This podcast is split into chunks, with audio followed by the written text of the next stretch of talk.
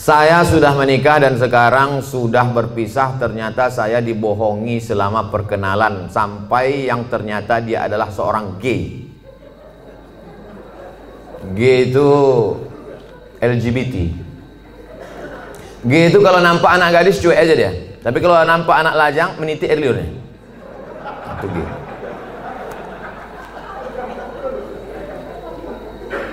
Yang paling banyak gay ini di Thailand Makanya di sana ada musabakoh gay. Namanya Lady Boy. Muka lady, kaki boy. Yang paling hebat merubah buah-buah ini itu di Bangkok. Bisa dirubah orang itu jeruk itu manis luar biasa. Bisa dirubahnya apel, bisa dirubah. Genetika tanaman bisa mereka buat bisa itu uh, limau jeruk manis itu tak berbiji dibuatnya tapi yang lebih hebat bisa orang pun tak berbiji dibuatnya nah, itulah hebat. Luar biasa mereka. Lagi. Oke kita lanjutkan. Hati saya hancur Pak Ustaz. Jangankan ibu saya pun ikut merasakannya. Ih. coba saya ini udah sampai pada level bisa merasakan perasaan orang lain Bagaimana perasaan seorang perempuan dianggapnya inilah akan menjadi imam dia. Ternyata pas disuruh jadi imam, bang kau jadi imam, aku aja lah. Cuma perasaan dia. Dah, mohon Ustadz beri doa membuat hati saya tenang dan ikhlas atas diri saya. Adakah yang terjadi di dunia ini di luar kuasa Allah? Saya tanya sekali lagi. Adakah yang terjadi di dunia ini di luar kuasa Allah? Kalau ada yang mengatakan ada yang terjadi di luar kuasa Allah, berarti Tuhan itu dua. Ada Tuhan baik, ada Tuhan buruk. Berarti dunia ini tak pernah aman karena Tuhan baik sama Tuhan buruk ini berkelahi. Lau kana fihi ma'alihatun ilallah la fasadata. Seandainya di langit dan di bumi ini ada Tuhan selain Allah, maka sudah lama dunia ini hancur. Oleh sebab itu segala sesuatu terjadi atas kehendak dan kuasa Allah. Langkah, rezeki, pertemuan, maut, kuasa Allah. Itu maka kaca spion itu kecil dibuat. Kaca depan itu besar. Supaya apa? Supaya kita lebih banyak melihat ke depan daripada melihat ke belakang. Ada mobil yang kaca spionnya sebesar kaca depan? Tak ada. Masa lalu itu tengok sekali-sekali aja. Tengok habis. Kita lebih banyak menatap masa depan. Begitu banyak masa depan di depannya. Yang senyum tak pula bisa nampak mana yang senyum mana yang tidak. Itu sedapnya ceramah musim corona ini. Oleh sebab itu Bapak Ibu yang dimuliakan Allah Subhanahu wa taala, yakinkan bahwa ini adalah sudah selesai tatap masa depan, maka kita berharap tidak ada tempat berharap kecuali kepada Allah. Kalau kita emosi, marah-marah, ngamuk-ngamuk, itu meledak-ledak, Marah itu apa definisi marah? Definisi marah itu adalah darah dalam jantung yang mendidih, menggelegak ke atas, mengamuk, mata memerah, bawaan emosi. Tapi kalau dia ditahan kita tidak marah, muncul sedih. Kalau diluapkan, marah. Kalau tak dilepaskan, sedih. Maka tidak ada yang bisa menghilangkan marah dan sedih kecuali ridha menerima takdir ketetapan Allah Subhanahu wa taala. Itu bagian dari takdir Allah. Karena ibu kan sudah usaha dulu, sudah kenal dengan baik, ditengok badannya gagah berotot kumis melintang. Kan belakangan baru tahu dia melambai. Artinya sudah usaha. Oleh sebab itu ini sudah di luar dari kemampuan kita sebagai manusia. Maka kita yakin bahwa ada Allah yang mengatur kehidupan. Ada Allah yang mengatur pertemuan. Ada Allah yang mengatur itu semua. Maka banyak akan ibadah. Apa kata Allah dalam Al-Quran? Rabb hadzal bait banyak-banyaklah kau beribadah kepada Allah. Kalau kau banyak beribadah kepada Allah, at'amahum min ju' kalau kau lapar dikasihnya kau makan. Wa amanahum min khauf kalau kau cemas dihilangkannya rasa cemas dari dalam hatimu. Hidup ini kalau dipikirkan cemas berkunang-kunang kepala sampai jam 2 malam mata tak tidur nama penyakitnya insomnia pergi nemui psikolog psikiater. Pak psikolog saya punya masalah. Sudah dua malam tak tidur-tidur Psikolog tuh ngangguk-ngangguk aja, psikiater tuh ngangguk-ngangguk aja. Diambilnya kertas resep dikasihnya. Ini makan, ini makan sebelum makan, ini makan setelah makan, ini makan setengah makan, ini makan tiga kali, ini makan dua kali. Nengok itu bertambah pula beban kepala kita. Kalau hidup ini cuma untuk tidur aja, dikasihnya pil tidur. Begitu kita makan, hilang. Begitu dosisnya habis, kumat lagi. Tidak ada cara kecuali banyak beribadah kepada Allah. Idza sa'alta fas'alillah, minta tolong kepada Allah. Tapi ke Makkah nggak bisa Pak Ustaz. Saya mau berdoa di samping Ka'bah nggak bisa Pak Ustaz. Aqrabu ma yakunul 'abdu min rabbih wa huwa sajid. Orang paling dekat dengan Allah ketika sedang bersujud. Allahu akbar. Saat sujud itulah mengadu kepada Allah. Jangan adu ke kawan. Ngadu ke kawan habis ditumpahkan, besok jadi lawan dibukakannya di medsos. Selesai tamat riwayat. Mengadu kepada Allah Subhanahu wa taala, meneteskan air mata. Tak ada tempatku mengadu kecuali engkau ya Allah. Tak ada tempatku minta kecuali engkau ya Allah. Tolong aku ya Allah. Hasbunallah wa ni'mal wakil ni'mal maula wa ni'mal nasir. Sulitkah bagi Allah mengatur kehidupan kita? Innama amruhu iza arada syai'an ayakula lahu kun. Mudah bagi Allah. Lalu kenapa dibuatnya hidup kita ini sulit? Dia ingin melihat kita merintih di tengah malam bermunajat melelehkan air mata. Itu yang diinginkan Allah dari hambanya yang dia sukai oleh sebab itu, tanamkan dalam diri kita, aku dicintai Allah, aku disayangi Allah, aku disukai Allah. Allah menyelesaikan setiap perkaraku. Allah memperhatikan aku, Allah melihat aku, Allah mengatur kehidupanku. Tiap hari dikatakan itu. Makanya selesai sholat kita katakan, La ilaha illallah dahu la syarikalah, lahul mulku, walahul hamdu, yuhyi, wa yumit, wa huwa ala kulli syai'in qadir. Hukuman apa sebenarnya untuk seorang homoseks di dunia dan di akhirat? Man ra'aitumuhu ya'malu amala qaumi Lut. Siapa yang kamu lihat melakukan perbuatan umat Nabi Lut, faktulul fa'il wal maf'ul, maka hukumnya adalah hukum mati. Andai diterapkan hukum Islam, itu bencong-bencong itu tobat semua. Begitu dipancung kepala, hilang bencong. Hai katanya, begitu dipancung satu, hai. Tapi tak bisa itu kita laksanakan. Berapa ceramah saya yang dibully oleh bencong-bencong karena ceramah saya tegas. Tapi saya tak peduli. Kalau ada yang gini-gini kan ceramah saya, itu banyak bencong. Kalau jantan tentu berani dia langsung kan. Bagaimana hukumnya orang yang telah melanggar sumpah atas nama Allah? La yu'akhidhukum Allah billaghwi fi aymanikum walakin yu'akhidhukum bima kasabat qulubukum. Fakafaratuhu kalau ada orang melanggar sumpah maka cara menebusnya tiga. Yang pertama itu amu asyarati masakin kasih makan sepuluh orang miskin. Au kiswatuhum atau kasih sepuluh pakaian orang miskin. Au tahriru raqabah atau membebaskan budak hamba sahaya. Kalau tak sanggup paman majid, siapa yang tak sanggup? Fasya musalah sati ayam, puasa tiga hari. Maka ibu jangan percaya kalau bapak ini bersumpah. Sampai mati mah. Nggak akan nikah lagi. Nah, puasa dia tiga hari, selesai.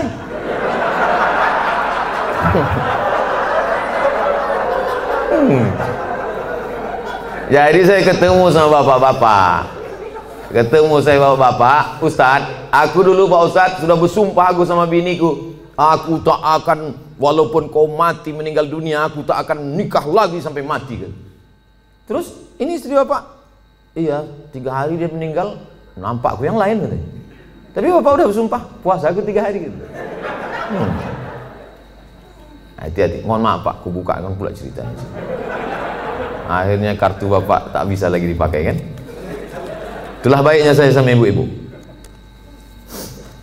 Apakah ada taubat bagi orang yang telah melanggar sumpah itu Pak Ustaz? Dia sudah memain-mainkan nama Allah. Maka menebus sumpah itu hanyalah sekedar menebus perbuatannya. Tapi perbuatan dia. Salah satu layan zurullahu ilaihim. Ada tiga orang yang tidak dipandang Allah pada hari kiamat. La yukallimuhumullah. Tak diajak bicara oleh Allah. Walahum azabun alim. Mereka diazab dengan azab yang amat sangat menyakitkan. Siapa itu? Orang yang bersumpah palsu terutama dalam berdagang. Berapa ini harganya? Aku tak ada ngambil untung. Nih jual modal aja nih demi Allah. Mana ada orang jual modal? Kau kalau bohong jangan nampak kali. Tak ada orang jual modal. Pasti dia ngambil untung.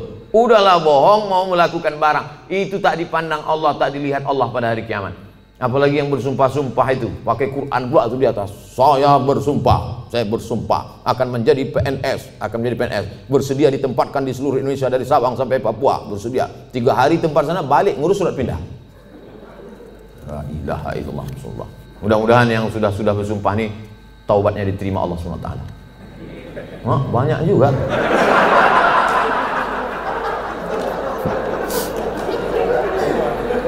Yang udah berlalu apa boleh buat?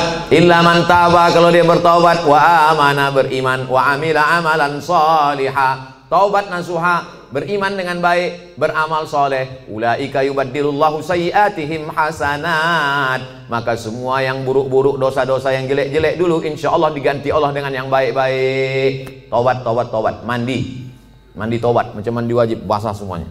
Kalau tak ada air keran mati mati listrik pergi ke sungai Delhi terjun situ insya Allah kalau dapat yang dalam tu bukan cuma dosa hilang kau hilang sekalian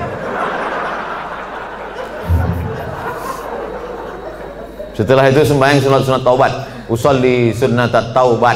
Raka'ataini lillahi ta'ala. Allahu Akbar. Iftitah. Habis itu Fatihah, habis itu ayat. Ayat terserah. Apa terserah ayatnya? Qul huwallahu ahad kata malaikat. Kau sembahyang taubat pun qul huwallahu juga. Panjanglah sedikit. Bagaimana keadaan orang yang melanggar sumpah jika dia meninggal sebelum taubat Pak Ustadz? Orang yang mati berdosa dalam keadaan membawa dosa, mati dia, maka dia masuk neraka dulu singgah. Dicuci, diobok-obok dulu neraka. Panas neraka itu Pak Ustaz. Diletakkan batu kerikilnya di tapak kaki, mendidih otak di kepala. Berapa derajat tuh Pak Ustaz? Udah begitu panasnya kau tanya juga lagi derajat. Ya belau ka'baihi sampai ke mata kaki yaghli bihadi mauhu. Hadis riwayat Bukhari, mendidih otak di kepala. Makanya selalu doa kita, Rabbana atina fid dunya hasanah wa fil akhirati hasanah wa qina azab wa qina azaban nar. Insyaallah semua yang hadir ini masuk surga tak singgah di neraka. Bagaimana pandangan Ustadz ketika seorang pemimpin bertutur kata tak santun, tak bertata kerama kepada bawahannya padahal hakikatnya seorang pemimpin itu harusnya bisa menjadi panutan bagi orang yang dipimpinnya. Kalau kita tak suka, saya kebetulan tidak pimpinan, tapi dulu pernah juga jadi dosen. Satu semester itu kadang 10 kelas. Satu kelas itu isinya 30 orang. Jadi saya memimpin 300 orang. Jadi saya sampaikan di pertemuan pertama, adik-adik mahasiswa sekalian, saya ini orangnya tak suka marah-marah, ngamuk-ngamuk, caci maki, sumpah serapah. Saya punya aturan-aturan, nilai saya ambil 40% dari mid semester 40 meter dari uh, 40% dari UAS ujian akhir semester. Ini saya bagi ada 13 makalah pertemuan pertama tatap muka perkenalan orientasi. Pertemuan nanti berikutnya adalah uh, presentasi makalah kalau kalian sedang tidak mood sedang malas jangan datang ke kampus karena aku tak bisa menengok kalian main-main di dalam main HP nah, saya kasih tahu kalau kalian tak siap makalah yang kalian datang kalian buat izin Kalian bisa telepon saya, bisa kirim WhatsApp saya. Nah, kita kasih tahu dari awal. Kita yang paling tahu tentang diri kita. Apa yang membuat kita marah. Kalau kita pula mau mengasih tahu dia, kasih tahu dengan baik. Jangan kita marah kepada ini, kita lampiaskan ke sini. Qaulun ma'rufun, ucapan yang baik. Wa maufiratun, pemberian maaf. Khairun, lebih baik. Pimpinan juga tak bisa marah-marah. Apa titel bapak tuh? MM, mudah marah. Nah, oleh sebab itu maka, tapi pemimpin tak boleh pula tak marah. Karena kalau pemimpin tak ada marah, makanya ada punishment, ada hukuman, ada SP1, ada SP2, ada SP3. Mesti ada ketegasan, mesti ada disiplin. Saya tak suka juga setelah pengajian ini, uh, terserah kalian lah, mau kerja kerja. Tak apa. Udah, udah, aku udah kuserahkan semua pada Allah. Oh, tak betul. Ya, jadi sebetulnya Islam itu meletakkan sesuatu pada tempatnya. Jadi jangan bayangkan Nabi itu tak pernah marah. Nabi pernah marah. Naik dia ke atas mimbar, merah wajahnya, merah matanya, marah dia. Jadi Nabi itu menempatkan suatu pada tempatnya. Salam dia, Assalamualaikum warahmatullah. Ditengoknya banyak yang tak sholat berjamaah. Marah Nabi. Lau harriqanna alaihim buyutahum. Ku bakar rumah mereka yang tak sholat ke masjid. Kata Nabi. Marah. Mana mungkin bakar gitu ucapannya tak marah. Siapa yang tak ke masjid ku bakar. Marah. Cuman marah pada tempatnya.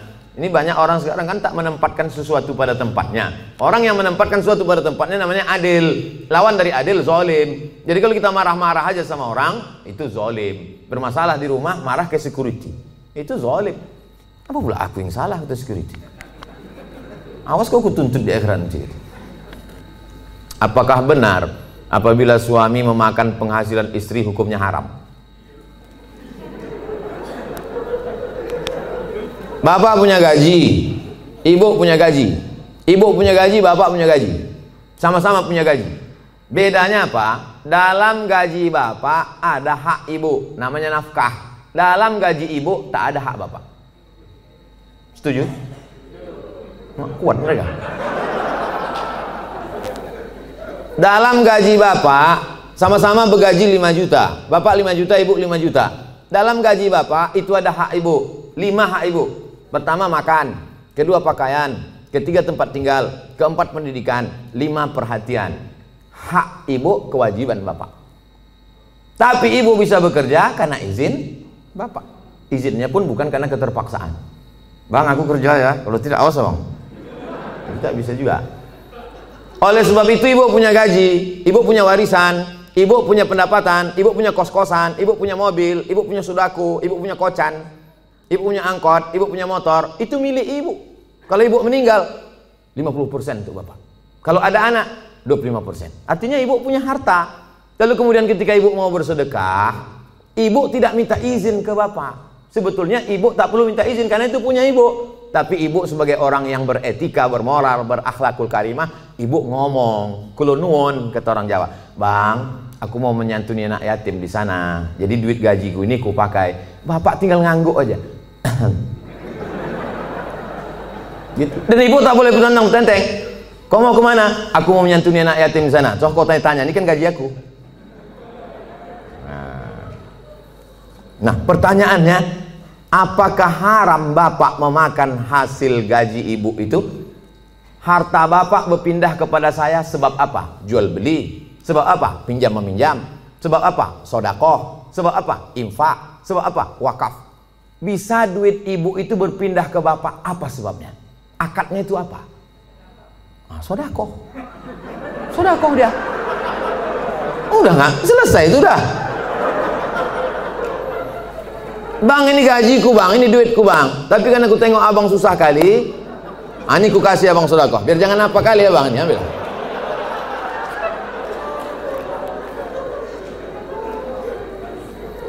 Assalamualaikum Ustaz.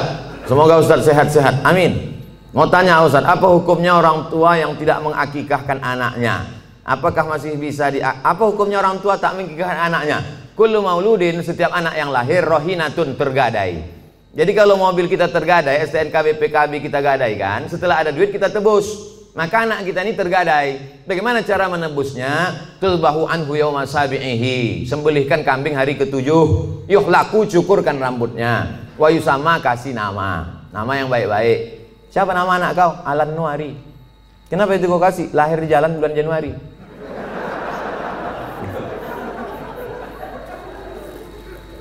Kasih nama yang baik-baik cukurkan rambutnya karena itu rambut kotor di dalam lalu kemudian sembelihkan kambing hari ke-7 tak ada duit hari ke-7 hari ke-14 tak ada duit hari ke-14 hari ke-21 lewat 21 tak usah tengok tanggal lagi. Setahun, dua tahun, tiga tahun, lima tahun taman SD, taman SMP, taman SMA tapi kalau dia udah semester 2 hanya potong kambing aja. Tak usah potong rambut lagi. Tak pula diayun pakai marhaban.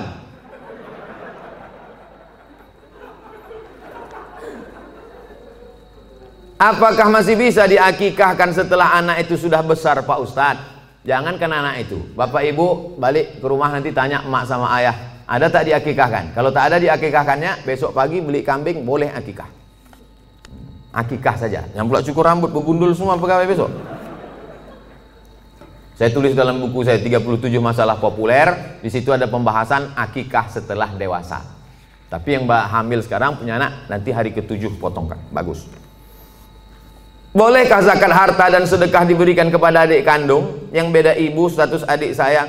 Tidak boleh memberikan zakat kepada orang yang wajib dinafkahi. Bapak, Mama, ini 5 juta zakat abang sekaligus belanja kita bulan ini. Bapak wajib menafkahi ibu, maka bapak tak boleh berzakat kepada ibu. Tapi ibu boleh berzakat ke bapak.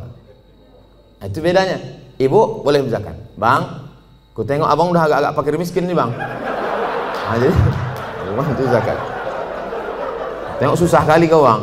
Nah, ini pakai lain. Ini gaji ke bulan ini. Ibu bergaji sebulan 10 juta. 1 juta 25 ribu, dua setengah persen.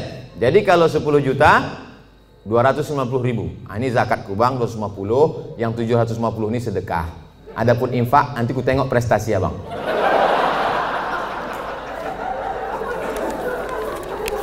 Nah, kaedahnya tak boleh berzakat pada orang yang wajib kita nafkahi.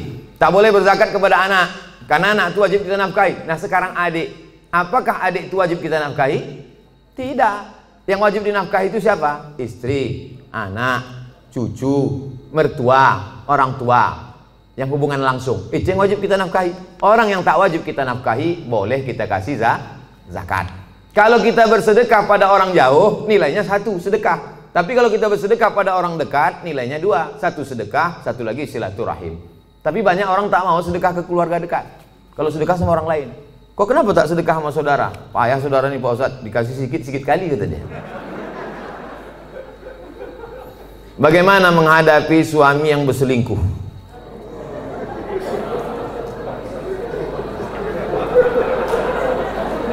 Udahlah dikasih zakat berselingkuh pula ilaha parah kali orang Medan ya ibu punya wali enam orang. Jadi bukan ibu memanggil bapak itu dengan membawa centong. Sini bang. Bukan gitu. Ibu punya wali enam orang. Pertama ayah. Yang kedua atu opung. Yang kedua abang ayah. Yang ketiga adik ayah. Yang keempat abang. Yang pertama ayah yang kedua datuk opung, yang ketiga abang, yang keempat adik laki-laki, yang kelima abang ayah, yang keenam adik ayah. Enam wali ibu itulah yang menyelesaikan ini. Maka dipanggilnya lah. Eh setan, sini kau sebentar. Orang berselingkuh itu mesti gitu manggilnya. Tak pula kita panggil eh, kepada menantu kami silakan datang. Mana lah tengkuk dia? Kalau ada yang polisi, tentara situ, cabutkan pistol, letakkan di atas meja itu, pang letakkan, biar tahu. Walaupun tak ada pelornya. Ku dengar kau udah selingkuh. Kemarin tertangkap screenshot SMS, ini dia kan, ini foto perempuan kan? Kau jangan macam-macam. Kau berhenti selingkuh. Kalau kau tak berhenti, nah, jadi kasih dia mop, di mop dia sedikit. Ah, habis itu berhenti. Iya pak, aku stop nih. Ada berhenti dia, ah, tinggal lagi ibu. Mau ibu menerima barang second nih?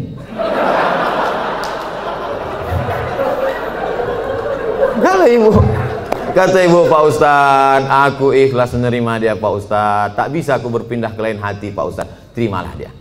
Tapi jangan sampai mulut ibu berkata bisa, tapi hati ibu tidak. Itu bahaya. Lain di mulut, lain di hati. Ada lagunya itu. Kalau ibu berkata bisa, katakanlah bisa. Tapi kalau katakan tidak, katakan tidak. Karena banyak perempuan berkata mulutnya bisa, tapi begitu jalan bersama terbayang dia selingkuhan siapa sih.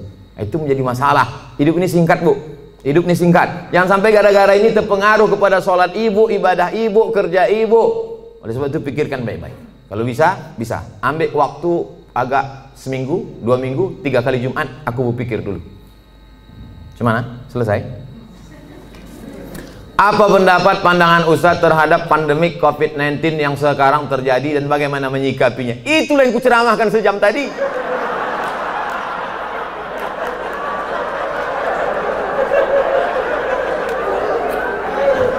Itulah yang kucakapkan dari tadi. Mungkin pertanyaan ini ditulis sebelum tadi datang diserahkan ke panitia. Jadi sebetulnya sudah terjawab. Kalau tak terjawab juga, tinggal tonton aja Ustadz Abdul Somad official channel. Subscribernya udah sejuta. Mana tahu nanti dicarinya yang mana channel itu itu yang ada sejuta subscriber. Jika kita mengetahui bahwa pasangan hidup kita telah mengikuti ajaran Syiah, apa yang harus kita lakukan? Apa hukumnya? Perbedaan kita dengan Syiah ini lima. Yang pertama, Syiah wajib mengimani imam 12. Sedangkan rukun iman kita lima. Antum minabillah wa malaikatihi wa kutubihi wa rusulihi wa liyumil akhir wa biqadri khairihi wa syarrihi. Sedangkan dia ada rukun imannya lagi beriman kepada imam yang ke 12 imam. Siapa yang tak percaya kepada imam 12 kafir. Dua, mereka mencaci maki sahabat Nabi. Karena kata mereka setelah Nabi meninggal itu mestinya penggantinya Sayyidina Ali. Lalu kata mereka Abu Bakar dengan Umar itu merampas khilafah Ali. Dan sahabat yang lain diam melihat kebatilan. Maka sahabat-sahabat Nabi itu kata mereka kafir. Yang ketiga, kata mereka ada Quran yang disebut dengan Mushaf Fatimah. Tebalnya tiga kali lipat daripada Quran ada kamu sekarang. Kenapa buktinya musabaqah tilawatil Quran mereka pakai Quran yang ada sekarang? Kata mereka sebelum Imam Al-Qaim mereka menunggu imam yang ke-12 imam yang ke-12 itu katanya bersembunyi di Sirdap di bukit di Irak dalam terowongan Itu mereka tunggu-tunggu belum keluar lagi. Nanti kalau keluar imam yang ke-12 itu dibawanya kitab yang asli, sementara yang asli itu datang pakai aja yang KW ini dulu kata dia. Yang keempat, mereka ada meyakini namanya taqiyah. Taqiyah itu kalau di tengah orang ahlu sunnah, pura-pura dia ahlu sunnah. Kalau di sini banyak Muhammadiyah, pura-pura dia Muhammadiyah. Kalau di sini banyak Al-Wasliyah, pura-pura dia Al-Wasliyah. Kalau di sini banyak NU, pura-pura dia NU. Kalau di sini banyak ahlu sunnah, dia bilang sunni. Kau ini Syiah apa sunni? Aku sunni. Kalau kebetulan banyak Syiah, kau sunnah apa Syiah? Aku Syiah. Kalau kebetulan situ 50-50, kau sunnah apa Syiah? Aku susi. Susi, sunnah Syiah. Yang kelima, mereka ini menghalalkan nikah mut'ah. Nikah mut'ah itu bagian dari akidah keyakinan. Mut'ah itu artinya enak. Mut'ah itu artinya nikmat. Nikah mut'ah itu nikah kontrak. Jadi boleh nikah kontrak aku nikah mut'ah sama engkau dari jam 5 pagi sampai jam 5 sore dengan mahar 50 ribu tunai sah dalam Islam tak boleh nikah mut'ah oleh sebab itu inilah perbedaan lima perbedaan menurut Syekh Ali Jum'ah ulama besar kita berpegang teguh dengan ahlus sunnah wal jamaah kalau ada suami ibu atau istri bapak yang ikut golongan ini ajak dia balik bawa dia ke ketua MUI bawa dia ke dokter Ardian Ardian Sah Sekum Mu'i supaya diceramahi dia, dibalikkan kepada ahlu sunnah wal jamaah. Karena tak mungkin bisa bersama. Antara NU Muhammadiyah masih bisa, antara Al Wasliyah dengan Muhammadiyah masih bisa, karena masih sama ahlu sunnah wal jamaah. Apakah sah solat jika kita tak tahu arti bacaan solat tersebut? La solat taliman lam yaqra bi fatihatil kitab. Tak sah solat kalau tak baca fatihah.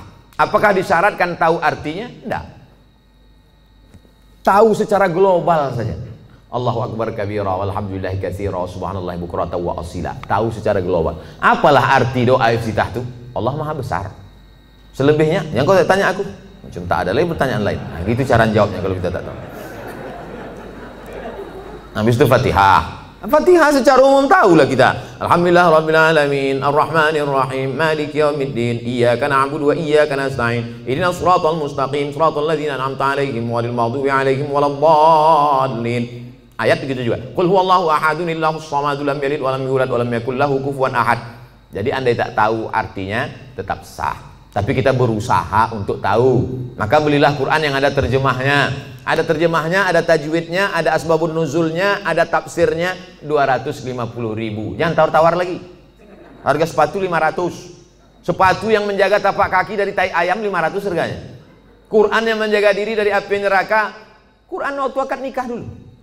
Diletakkan di ruang tamu dalam peti kaca. Setiap tamu datang ke situ macam nengok kucing.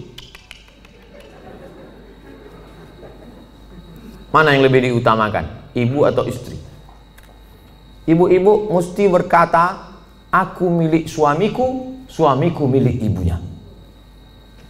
Banyak yang mengangguk. Yang tak mengangguk, ragu dia. Aku milik suamiku, suamiku ini milik emaknya. Ibu kenal bapak ini kan setelah dia kerja, setelah dia 22 tahun, setelah dia tamat, setelah dia kuliah, setelah dia punya duit. Dulu waktu tapak kakinya dua jari, panjangnya sejengkal, kenal ibu sama dia? Mana kenal?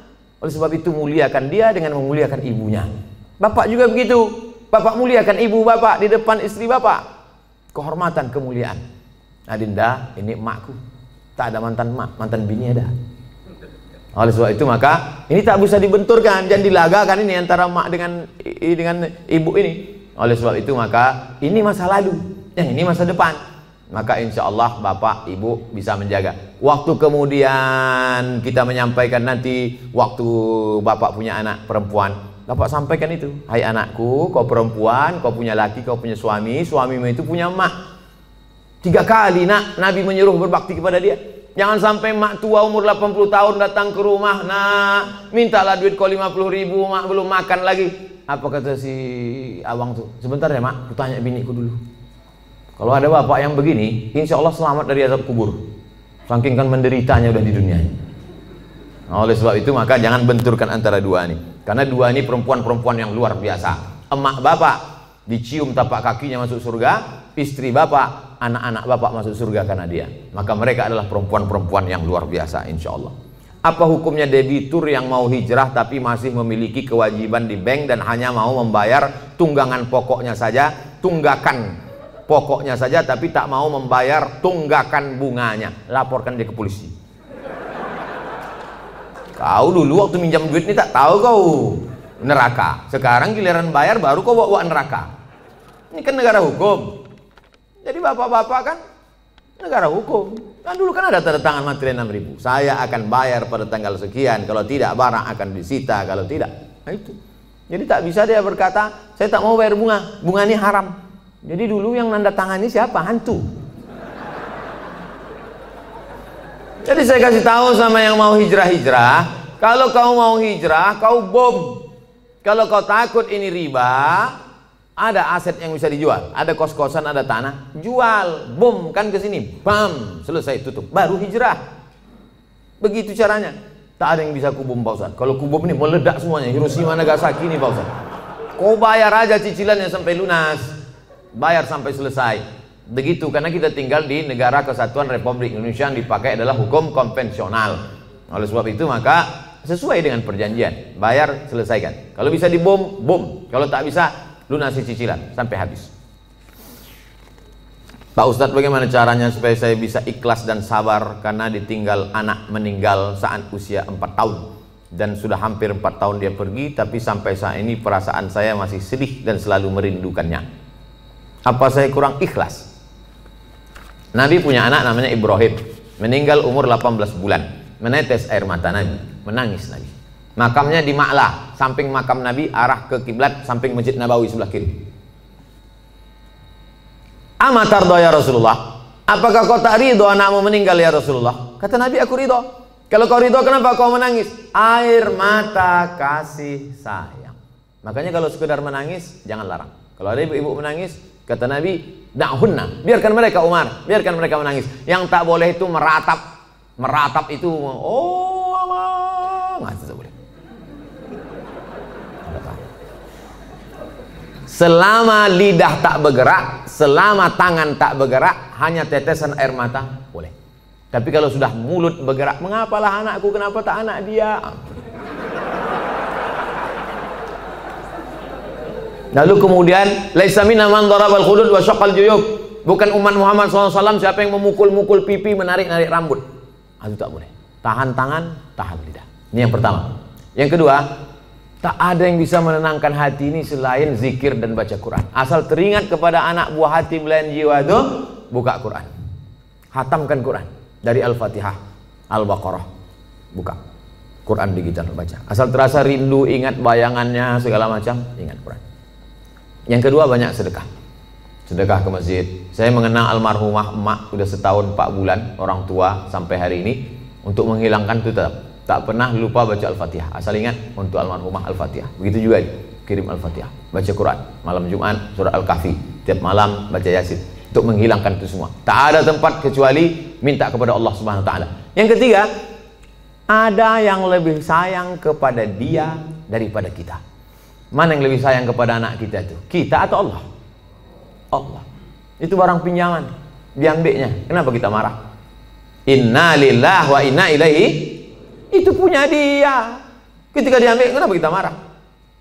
Ini mimbar ini bukan punya saya. Ini mikrofon ini bukan punya saya. Ketika diambil marah saya. Berarti saya gila.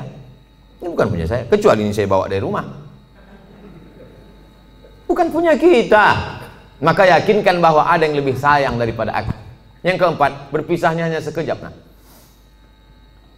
Nanti ketika anak ibu ini disuruh Allah masuk ke dalam surga, apa kata anak itu? Ya Allah, aku hanya mau masuk ke surga dengan yang pernah melahirkan dan membesarkan aku. Di situlah ibu mendapatkan syafaat anak. Syafaat Nabi ada, syafaat malaikat ada, syafaat Quran ada, syafaat penghafal Quran ada, syafaat ulama ada. Ada syafaat anak kecil, ditariknya ujung kain jubah ibu masuk ke dalam surga bersama dia. Anak kecil itu di dalam surga membawa nampan-nampan tempat air minum menuangkannya. Lu'lu'il maknun. Mereka itu seperti permata berkilau cahaya terbang ke sana kemari. Dia menjadi pelayan-pelayan surga karena mereka tak ada dosanya sama sekali. Yang kelima ada yang lebih tinggi daripada amal soleh zakat puasa impak wakaf haji mabrur dan jihad. Apa itu yang paling tinggi? Ridho. Orang yang sudah masuk surga itu ditanya Allah, kalian sudah dapat semua kenikmatan surga apa yang belum? Ada satu ya Allah. Apa itu? Ridhokah? Kata Allah, yang dapat ridhoku cuma satu. Siapa dia? Orang yang ridho menerima ujianku. Ibu ridho menerima ujian ini, sabar ibu, maka ibu adalah orang yang masuk ke surga bersama anak itu. Mudah-mudahan kita semua sabar menerima ujian Allah Subhanahu wa taala. Amin. Ala hadhihi niyyah al-Fatihah. A'udzubillahi minasyaitonir rajim. Bismillahirrahmanirrahim. Alhamdulillahirabbil alamin. Ar-Rahmanir-Rahim. Maliki yaumiddin. Iyyaka na'budu wa iyyaka nasta'in. Ihdina suratal mustaqim suratal ladzina an'amta 'alaihim ghairil maghdubi 'alaihim waladdallin. Amin. La tada' lana dzamban illa ghafartah. Pulang kami dari majelis ini dalam keadaan bersih dari dosa-dosa ya Allah. Wala aiban illa satartah. Cucu tutupi cacat aib kami di hadapanmu di hadapan manusia semua ya Allah. Wala maridan illa syafaitah. Ada yang sakit maka sembuhkan dari penyakitnya ya Allah. Wala raghiban illa anjabatah yang belum punya anak berikan anak yang soleh dan solihah wala mayitan ila rahimtah yang sudah meninggal dunia lapangan kuburnya terangkan barzahnya dan jadikan keluarganya termasuk orang yang sabar alladzina idza asabatuhum musibah ketika musibah itu datang lidahnya berkata inna lillahi wa inna ilaihi rajiun ulaika alaihim salawatun min rabbihim wa rahmah wa ulaika humul muhtadun mereka yang mendapatkan rahmat kasih sayang Allah mereka lah orang-orang yang mendapatkan hidayah Allahumma dafa'na lala wal waba wal fasha wal riba wal zina wal munkar. Angkat malapetaka bencana bil khusus wabah Covid-19 ini dari negeri kami, bil khusus dari Sumatera Utara ini ya Allah. Allah mawafiqna lima tuhibbuhu wa tardah. Tanamkan taufik dan ridhamu dalam hati kami supaya kami beramal dengan amal yang kau cintai dan kau ridhai ya Allah. Allah marzuqna al-istiqamata ala syariatil gharra wa tariqatil bayda. Berikan kami istiqamah supaya kami mati dalam keadaan husnul khatimah. Allahumma jangan akhir kalamina indan tihai ajalina. Ketika ajal kami sampai saat malaikat maut mencabut nyawa kami, jadikan yang terakhir keluar dari mulut kami la ilaha illallah Muhammadur Rasulullah sallallahu alaihi wasallam. Rabbana atina fid dunya hasanah wa fil akhirati hasanah wa qina adzabannar. Wa sallallahu ala sayyidina wa maulana Muhammad wa ala alihi wa sahbihi wasallam walhamdulillahi rabbil alamin. Taqabbalallahu minkum minna wa minkum taqabbal ya karim.